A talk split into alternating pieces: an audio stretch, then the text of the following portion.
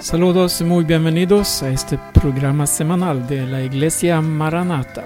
Hoy vamos a escuchar a un hermano de Cuba, se llama Ramón Rigal y el tema es Perseverad en la oración. Escuchamos eh, una parte de este coro, Si tú hablas con Dios, con Cristina Imsen y luego sigue el hermano Ramón Rigal.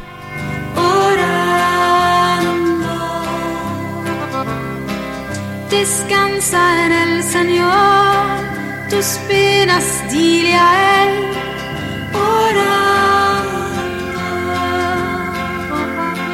Bendita la oración, yo puedo hablar con Dios, orando.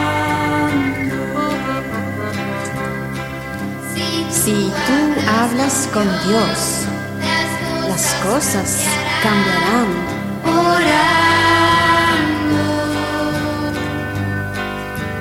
Cualquier necesidad, Él la resolverá.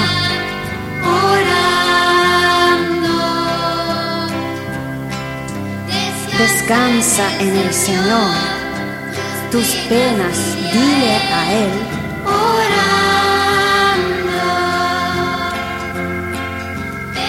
La palabra del Señor habla en Santiago 5, versículo 16. Vamos a buscar allí. Confesad vuestras ofensas unos a otros, orad uno por otro para que seáis sanados. Y mire aquí, aquí esto, mira, esto, esto está bien. La oración eficaz del justo puede mucho. Mire esto, la oración eficaz del justo puede mucho. Elías era hombre sujeto a pasiones semejante a la nuestra, es decir, era un hombre de carne y hueso como nosotros, y oró fervientemente para que no lloviese, y no llovió sobre la tierra por tres años y seis meses. Y otra vez oró, y el cielo dio lluvia, y la tierra produjo su fruto. Es decir, la oración eficaz del justo puede mucho. Dice Juan que Dios no escucha a los pecadores, pero si alguno es temeroso de Dios, a este sí escucha. ¿Qué sería una oración eficaz? ¿Qué tendría que tener una oración para que fuera eficaz? Y vamos a ver que primeramente la oración eficaz tiene que ser bíblica, no una oración basada en qué? En nuestros deseos, no en nuestras emociones y sentimientos despegados de Dios, sino tiene que ser bíblica. Vamos a ver Santiago capítulo 4, versículo del 1 al 3. ¿De dónde viene la guerra y los pleitos entre vosotros? no de vuestras pasiones, las cuales combaten en vuestros miembros, codiciáis y no tenéis, matáis y haréis de envidia y no podéis alcanzar. Combatid y lucháis, pero no tenéis lo que deseáis porque no pedís. Pedid y no recibís porque pedís mal para gastar en vuestros deleites. Es decir, que hay una oración que está mal, pero hay una oración que está bien. La oración que está mal es la oración que se hace para pedir por nuestros deleites, por aquellas cosas que son que realmente no son, no, son necesarias, que son deleites de la carne. Pero la Biblia habla de una oración que está bien, ¿verdad? Vosotros pedís y no recibís. Eh, porque pedí no recibí porque pedí mal. Es decir, hay una petición que sí está bien. ¿Cuál es la petición que está bien? La petición que esté en armonía con las escrituras. La palabra de Dios dice allí en Primera de Juan capítulo 5, versículo 14 y 15. Ahí nos da una esperanza, nos da una, una promesa, nos da eh, un aliento. Dice la palabra del Señor allí. Y esta es la confianza que tenemos en Él. Que si pedimos alguna cosa conforme a su voluntad, Él nos oye. Y si sabemos que Él nos oye en cualquier cosa que pidamos, sabemos que tenemos las peticiones que le hayamos hecho. Es decir, la oración bíblica, la oración para que sea eficaz tiene que ser bíblica. Es decir, tiene que estar en armonía con las escrituras. Usted no puede pedir nada que esté fuera de las escrituras. Y si usted pide algo que está fuera de las escrituras y le responde, asegúrese que ese no fue Dios. ¿Verdad? Entonces, la oración eficaz, una de las cualidades que tiene que es bíblica. Otra de las cualidades de la oración eficaz es que el que pide tiene que estar en obediencia a la palabra del Señor. La palabra de Dios dice allí en Proverbio que el que cierra su oído para no oír la ley, hasta su oración es abominación.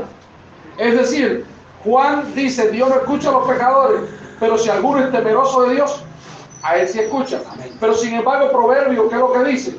El que cierra su oído para no oír la ley, hasta su oración es abominación. Es decir, el que ora, el que pide a Dios tiene que estar en armonía con las escrituras, tiene que ser obediente a Dios, ¿verdad? Cuando hablamos del amor a Dios no estamos hablando de, un amor, ay Diosito mío, te amo, estoy enamorado de ti. Estamos hablando de acción, estamos hablando de obediencia. La Biblia dice, el que me ama, mi palabra guardará, ¿verdad? Entonces, cuando hablamos de, escuchar, de, oír, tenemos que entender que si escuchamos a Dios y obedecemos a Dios a través de su palabra, le amamos. Amén. Y entonces estamos en, en una mejor posición para qué? Para ir delante del trono de la gracia, ¿verdad? Es imposible estar en desobediencia y decir, ay, Dios no me escucha. Si normalmente cuando pedimos a Dios y creemos que estamos haciendo lo correcto, porque diariamente nosotros vamos a la presencia del Señor, cual David, escudriña mi corazón, dime si hay perversidad en mí, apaga el Señor, y hay un escudriñar nuestra vida diaria. Aún así en obediencia, pidiendo a Dios, muchas cosas aparentemente tardan, ¿verdad? ¿Cuánto más en desobediencia? Aunque sabemos que la desobediencia trae como consecuencia también que se retardan muchas de nuestras peticiones. Por ejemplo, el pueblo de Israel, cuando iba a entrar a la tierra prometida, por su desobediencia, tuvo que vagar por el tiempo, 40 años por el desierto. Según la persona, según las medidas, se dice que esa travesía podía haber durado, se dice que de 11, de 11 hasta 13 días.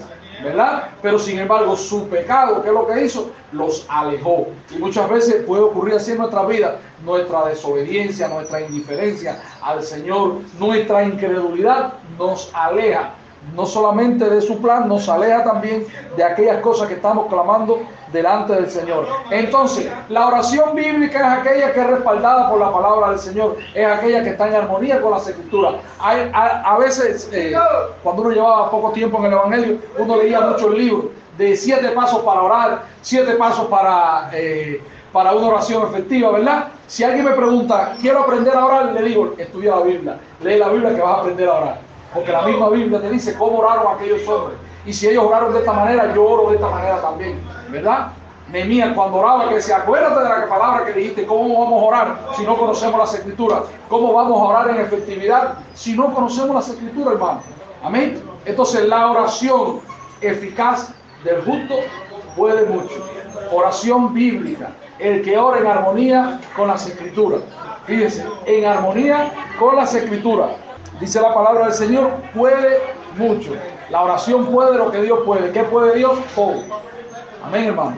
Entonces, dijimos que bíblica, la oración eficaz es una, es una oración que persevera, que no desmaya. Amén, hermano. Vamos a ver qué nos dice Santiago 1, versículo 6, 7. Santiago capítulo 1, versículo 6, 7. Dijimos que es bíblica. Santiago 1, 6, 7. Dice la palabra del Señor allí. Pero pida con fe, no dudando nada, porque el que duda es semejante a la onda del mar, que es arrastrada por el viento y echada de una parte a otra. No piense porque pues, que pues quien tal haga, recibirá cosa alguna del Señor. Pida con fe, no dudando nada. Mira hermano, ¿cuántas veces oramos por algo? Y oramos un día sí, un día no. Ay Señor, yo creo que a ti no te agrada este. Ay Señor, oramos y nosotros mismos nos autorrespondemos. Ah, yo creo que a ti no te agrada y dejamos de orar. Y después, así no vas a recibir nada, no vas a recibir, aunque ores bíblicamente, no vamos a recibir nada con esa incredulidad, ¿verdad? Si la oración, si, si yo sé que lo que estoy pidiendo es bíblico, aférrate a eso, nos aferramos a eso. Amén, hermano. Nos aferramos a eso aunque no veamos la respuesta. Pero si yo oro ahora un ratico y después el Señor dice que el que tal hora nada recibe. Y hay muchas personas que han estado orando por algo y usted le pregunta, ¿y qué pasó? dice, no, no, parece que Dios no le Ah, parece. Porque, mira hermano, el apóstol Pablo dice, eh, me ha sido dado un aguijón. Segunda de Corintios 12, del 7 al 9. Dice, me ha sido dado un aguijón en la carne. Un adversario de Satanás. Dice, y para que la grandeza de las revelaciones no me, no me exaltase desmedidamente, me fue dado un aguijón en mi carne, un mensajero de Satanás que me abofetee para que no me enaltezca sobremanera. Respecto a lo cual tres veces he rogado al Señor que lo quite de mí y me ha dicho, bástate mi gracia, porque mi poder se perfecciona en la debilidad. Por tanto, de buena gana me gloriaré más bien en mis debilidades para que repose sobre mí el poder de Cristo. El apóstol Pablo le rogaba a Dios por esta situación, por este aguijón, este mensajero de Satanás que no es una atadura. Por favor, como dicen mucha gente por ahí, mensajero de Satanás puede ser cualquier agente que use para afligir al apóstol Pablo directamente. No tiene que ser internamente de, un, de una posesión, que, que, que el apóstol Pablo se encorva ni nada. No, no, no, no, para nada. Sino de un mensajero de Satanás. ¿Cuántos mensajeros de Satanás no nos afectan a nosotros, verdad? Muchas veces nos persiguen, no, eh, eh, se vuelven tediosos. Hay muchos mensajeros de Satanás por ahí, ¿verdad? Pero bueno, a lo que quiero hacer énfasis dice, dice, lo cual tres veces rogado a Dios, ¿le respondió a Dios? Sí le respondía, pero ¿qué le decía? Bástate mi gracia, bástate mi gracia. Es decir, Pablito, mío, dice que tres veces, no se conformó con la primera respuesta, Pablo perseveró. El Señor le dijo, bástate mi gracia, la primera vez, parece que él insistió, me recuerda Moisés cuando el Señor le dijo, no vas a entrar a la tierra. Pero insistió, te dije que no vas a entrar, la vas a mirar, pero no vas a entrar. ¿Verdad? David, cuando murió el niño, él insistió en ayunar y orar para ver. Es decir, que aún dándole Dios una respuesta negativa a muchos de ellos, ellos insistieron. Pero Dios mismo le decía que no. Entonces a veces Dios no responde. y nosotros mismos decimos, no, Dios no quiso. nosotros no respondemos. Y eso es incredulidad. Si Dios no me ha respondido, yo no puedo decir ya directamente que no es su voluntad, a menos que sea antibíblico. Podemos decir, ¿usted cree que Dios sigue hablando en estos tiempos? Dios habla a través de las escrituras, Dios habla personalmente, Dios habla a través de las escrituras cuando el momento la palabra de Dios se te alumbra y tú dices, ah, me habló. Bástate mi gracia, porque mi poder se perfecciona en la debilidad. Entonces, sabemos que el apóstol Pablo, Dios ya había respondido. Alguien dijo, hay tres respuestas de Dios. No, sí, espera. No, sí, espera. Ya a Pablo le habían dicho, no. No le habían dicho ni que esperara. Dijeron, no. Espera, es ese tiempo, ¿verdad? ¿Cuántos quieren que cuando oran Dios le responda al momento? Que levanten la mano. Todos. Todos, ¿verdad? Pero vamos a ver. Lucas capítulo 18 del 3 al 5. Retomando la parábola, donde se pone el ejemplo de, del orar y no desmayar. Lucas capítulo 18 del 3 al 5. Es decir, la oración eficaz es aquella que es bíblica. La oración eficaz, eh, el que ora está en armonía con las escrituras. La oración eficaz es perseverante hasta el final. Lucas 18, del 3 al 5. Había también en aquella ciudad una viuda, la cual venía él diciendo, hazme justicia de mi adversario. Y él no quiso por algún tiempo, pero, de, pero después de esto dijo dentro de sí, aunque ni temo a Dios, ni tengo respeto a hombres, sin embargo, porque esta viuda me molesta, le haré justicia, no sea que viniendo de contigo me agote la paciencia. Vemos que aquí habla de un hombre, quiere poner una palabra sobre, pero hay un detalle en ese hombre que dice que no quiso por algún tiempo. No pasa así con Dios. No es que Dios no quiere, es que Dios tiene un tiempo para todas las cosas, ¿verdad? Cuando vamos a Eclesiastés capítulo 3, versículo 1, dice la palabra del Señor, todo tiene su tiempo y todo lo que se quiere debajo del cielo tiene su hora. ¿Cuántos creen que eso es así? Ay, hermano, qué difícil es espera, ¿verdad? Y más cuando una persona está pasando prueba y tribulación. Y, usted dice, sí, sí, sí. Hay gente que dice, sí, sí, sí. Es muy fácil decir, espera, sé paciente porque tú estás fuera de la candela. ¿Eh? Pero es, es eso. Lo dice así. No lo dice las escrituras. Todo lo que se quiere debajo del cielo tiene su tiempo y su hora. Este hombre dice que no quiso por algún tiempo. No es que Dios no quiere, pasándolo a Dios, no es que Dios no quiere, es que Dios tiene un tiempo para todas las cosas. Y el tiempo de Dios que hace las cosas es el ideal. Cuando usted va a las escrituras, Dios tiene un tiempo para todas las cosas. ¿Cuántos creen que para Dios no hay nada imposible? Dios no podía haber quedado hacer todo en un solo día. Usted no lo cree, hermano. Pero lo hizo en seis días. En seis días lo hizo. Y lo hizo bien. Dice, fue bueno. Pero Él es poderoso para hacerlo todo en un día. Aunque los incrédulos ahora quieren decir que un día mil años y hacer una conversión extraña ahí para decir que duró seis mil años la creación. ¿Verdad? Pero no, fueron seis días literales. ¿Verdad? La oración eficaz es una oración que persevera hasta el final. Dios tiene un tiempo para responderlo todo.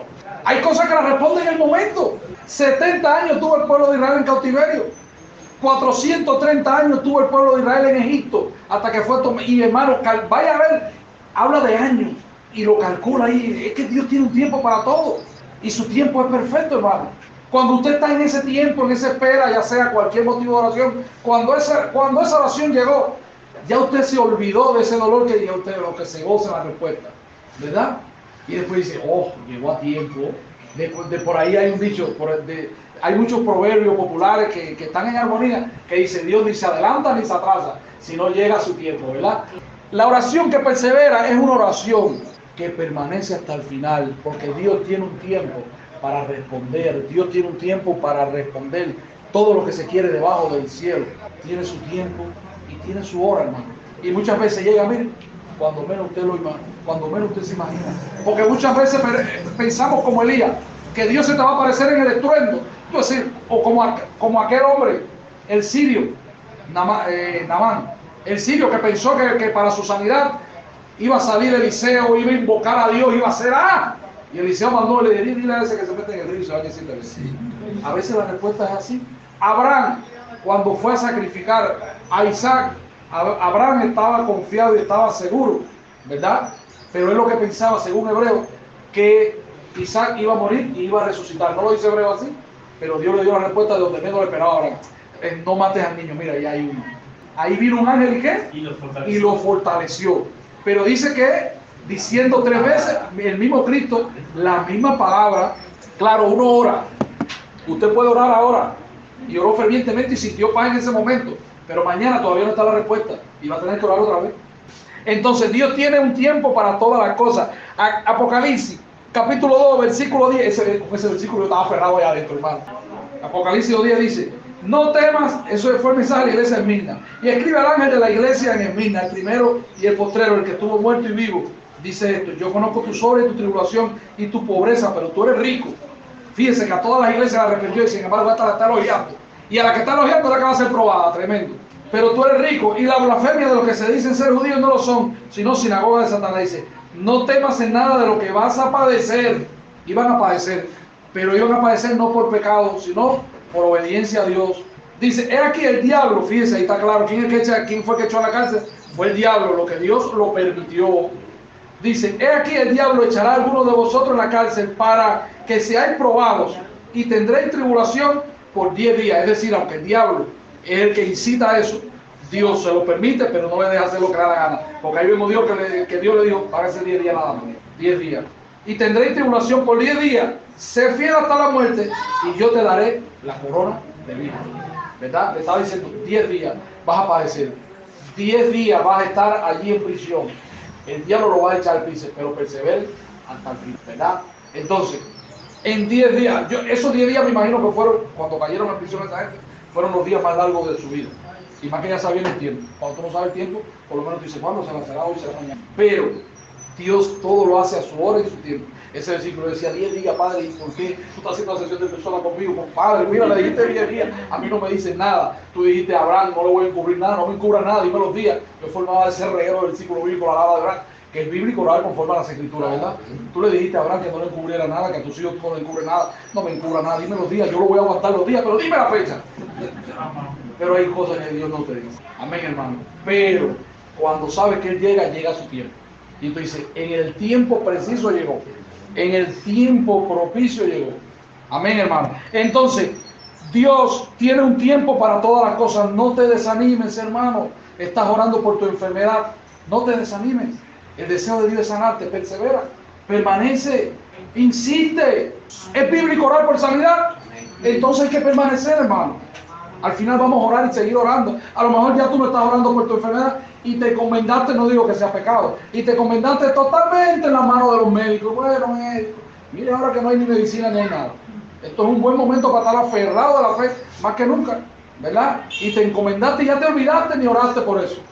Pero persevera, permanece. Quién sabe si Dios te sana y, y hace un milagro. O a lo mejor con esa que vas a la eternidad, pero puede hacer un milagro de sanidad. Porque dice la Biblia, estaba Eliseo enfermo de la enfermedad que iba a morir. ¿Verdad? Pero si no te han dicho que es de esa la que vas a morir, sigue orando. Permanece, persevera. Es la voluntad de Dios. Es la voluntad de Dios orar por los enfermos. Es su voluntad. Es la voluntad de Dios que su reino se extienda. Vamos a ver Mateo capítulo 9 del 27 en adelante, disculpen, dice, pasando Jesús de allí, le siguieron dos ciegos dando voces diciendo, ten misericordia de nosotros, hijo de David. Y llegado a la casa vinieron a él los ciegos y Jesús le dijo, ¿creéis que puedo hacer esto? Ellos dijeron, sí. Señor. Entonces le tocó los ojos diciendo, conforme a vuestra fe, o sea, hecho. Y los ojos le fueron, los ojos de ellos le fueron abiertos. Y Jesús les encargó rigurosamente diciendo, mirad que nadie lo sepa. Pero salidos ellos, divulgaron la fama de él por toda aquella tierra. ¿Qué desobedientes eran en esto? Jesús decía, cállense cuando no hablaban. ¿Quién va a callar un milagro, hermano? ¿Verdad? ¿Quién lo va a callar? Usted estalla de emoción por decir, Jesús lo hizo, Dios me sanó. Entonces, vemos a estos ciegos que gritaban a Jesús. Jesús iba caminando, pero ellos gritaban Jesús. Pero dice que llegando a la casa, es un, un, un, tránsito. Cualquiera dirá, ay, Dios mío, Jesús no oye esos dos cieguitos, pobrecito, pero iba caminando. Cuando llegó a la casa, dice, los ciegos llegaron a la casa y le dijo, ¿qué quieren? Y a veces hay momentos de situaciones. La oración eficaz es una oración que persevera. Sabemos que entre el tiempo que ocurre y el tiempo que esperamos ocurren muchas cosas. ¿Usted cree que Job no se desanimó del camino? Porque la gente presenta a Job del principio y Job del final. Pero no presentan el trámite donde Job, el tiempo ese donde Job. La Biblia habla de Abraham. Dice que Abraham luchó en esperanza contra esperanza hasta el final. No se sabe qué tiempo fue desde que Dios le habló. No tenemos un cálculo exacto, no sé. Desde que Dios le habló hasta que cumplió la promesa. Pero no fue tan rápido. Pero Dios le dijo que iba a tener un hijo. No tuvo su, no patinó en ese tiempo. Sí, hubo un hijo. Cuando Agar le dijo, mira, cuando la esposa le dijo, acuéstate con Agar y tengo un hijo. Pero aunque eso ocurrió, él se agarró otra vez y siguió perseverando porque sabía que Dios le había hablado, hermano. Es decir, puede que en nuestra espera haya nuestro cabezazo, nuestro desánimo, nuestro patinazo, ay Señor, y tú no me escuchas, eso es normal que uno lo dice, lo dice todo el mundo. Y tú no me escuchas y te pones melancólico, ay, tú no me amas, tú no me quieres, se forma todo eso. Pero al final nos la agarramos y seguimos orando. ¿Hasta que Llega la respuesta. Pero tenemos que perseverar. Es bíblico por lo que lo pides. No desmayes. Está claro que es su voluntad. No desmayes. Persevera hasta el final. Elías, el Señor le dijo que por tres años, dice que por su palabra, por tres años y medio dice que no iba a haber lluvia. Pero que después iba a dar la lluvia, ¿verdad? Pero aún eso Dios no lo había dicho. Pero Elías no se sentó a esperarlo. Elías oró. Y dice que oró, insistió y estuvo orando y mandaba al ayudante, dime qué ve, no veo nada. Y dice que oró cuántas veces? Siete veces. Ve, no veo nada, no veo nada. Dice, y ahora veo una pequeña nube. Alabado sea el nombre del Señor. Como, como la mano de un hombre. A correr. Mira, hermano, cuando estamos orando por algo, hay otra cosa que ocurre y es la espera, la expectativa. Habacuc capítulo 2, versículo 1 dice: Sobre mi guarda estaré en vela, a ver lo que se dice tocante a mi queja. Si estamos orando, estamos en la expectativa, no estamos dormidos. Ya yo lo ve. No, tú tienes que estar en la expectativa porque cualquier puerta puede abrir, abrir Dios para, para responderte. ¿Verdad? ¿Se acuerda cuando le dijo Marroqueo? ¿Qué le dijo Marroqueo a usted? ¿Quién sabe si para esto Dios te puso aquí? Y no fue para eso. Al final por él mismo vino la respuesta. ¿Qué fue lo que dijo Mardoqueo? Respiro vendrá de Dios respiro vendrá para el pueblo de Dios, porque Mardoqueo estaba seguro de la protección de Dios sobre Israel. Y dijo, respiro vendrá de Dios para su pueblo. Pero quién sabe si para esta hora tú estás aquí. Muchas veces estamos orando por algo y a veces visualizamos tal vez por dónde viene la respuesta, pero a veces no, no es por ahí, a veces por otra vía. A veces hemos estado orando por algo. Dentro del tiempo que yo estuve en la universidad, me enteré de una noticia allá adentro que pensé que venía la respuesta por ahí y me puse a cantar en el baño, yo cantaba en el baño. Yo veo una pequeña nube, como ellos no saben la entonación, yo la cantaba como yo quería. Yo veo una pequeña nube y yo gozoso. Y veo una pequeña nube y yo cantaba una pequeña nube porque me habían dado una noticia de, de, una reclamación y, yo decía, ah, pero no vino por ahí tampoco. ¿Sabes por dónde vino? Por donde menos le esperaba por el coronavirus. Y yo sí estaba en el noticiero mirando y yo miraba y apunté y dije, ¡ay, por ahí viene! Hasta que llegó, hasta que llegó la liberación. Aleluya. La gente me dice, mira, mira, mira, mira, mira lo que están diciendo, que vengan a sacarlo, pastor, mira lo que están diciendo. Le doy gracias a Dios. Usted me disculpa que yo repita esto, pero cuando uno tiene algo así, eh, uno no olvida y uno ve la respuesta de Dios y uno se goza y se alegra porque ve la respuesta de Dios. Yo apuntaba ahí todo, yo apunté hasta el día, apunté hasta el día que dijeron, a partir de ahora los niños no irán a la escuela, estarán en su casa dando clases. Yo lo apunté y dije, ay, aleluya, poder de Dios tremendo, se la diste por, donde era, Señor. Yo decía dentro de mí, y yo dije, Señor, tú sabes lo que tú haces. Y casualmente mi esposa le dieron la libertad en el momento que mandaron a los muchachos. No fue así ayer. Yo lo calculé el tiempo. Hermano, es que uno se volvió matemático y sacaba la cuenta porque te vuelve y yo, y, y yo digo, Dios mío, ¿verdad? Que tú funcionas con números y al detalle. El hermano Landy decía, y es una realidad, Dios está al detalle de lo más mínimo que tú necesitas quien no escatimonia a su propio hijo, ¿cómo no nos dará todas las cosas? Y a veces, a veces en el pueblo de Dios hay una falsa espiritualidad que dice, no, no, no, yo ahora a Dios no le pido nada material, yo a Dios nada más le pido paz y salud. Y tú no le pides nada material al Señor. Si Dios manda que le pidamos lo material también. Pero Dios está encargado de todas nuestras necesidades. Lo mínimo. Usted, cada uno, yo estoy seguro que tiene testimonio de cómo en lo más mínimo Dios ha estado al detalle. Amén, hermano. Como un padre a un hijo. Y yo recuerdo que fue, yo digo, Dios mío, lo hace todo, pero le dieron la liberación a ella exactamente cuando mandaron a los niños para la casa. Y yo dije entre mi gracias, Padre, porque por lo menos la madre va a estar cuidada. Y después el detalle, usted dirá, pero, pero yo podía hacerlo todo. Es verdad que sí, pero hemos aprendido de Dios que en su soberano, en su soberanía, Él hace como quiere y de la manera que quiere. Yo escuché la historia, no sé cuánto han oído, la historia del martirio del perpetuo, ¿lo han oído? Eso está hasta en un muñequito. Y eso está tremendo. Hay un pastor que iba a ser martirizado y le oró a Dios. Y usted dirá, pero ¿y por qué no oró para ser liberado? Dios en sus planes, aún en el momento de la aflicción, nos permite aún consuelo en medio de eso.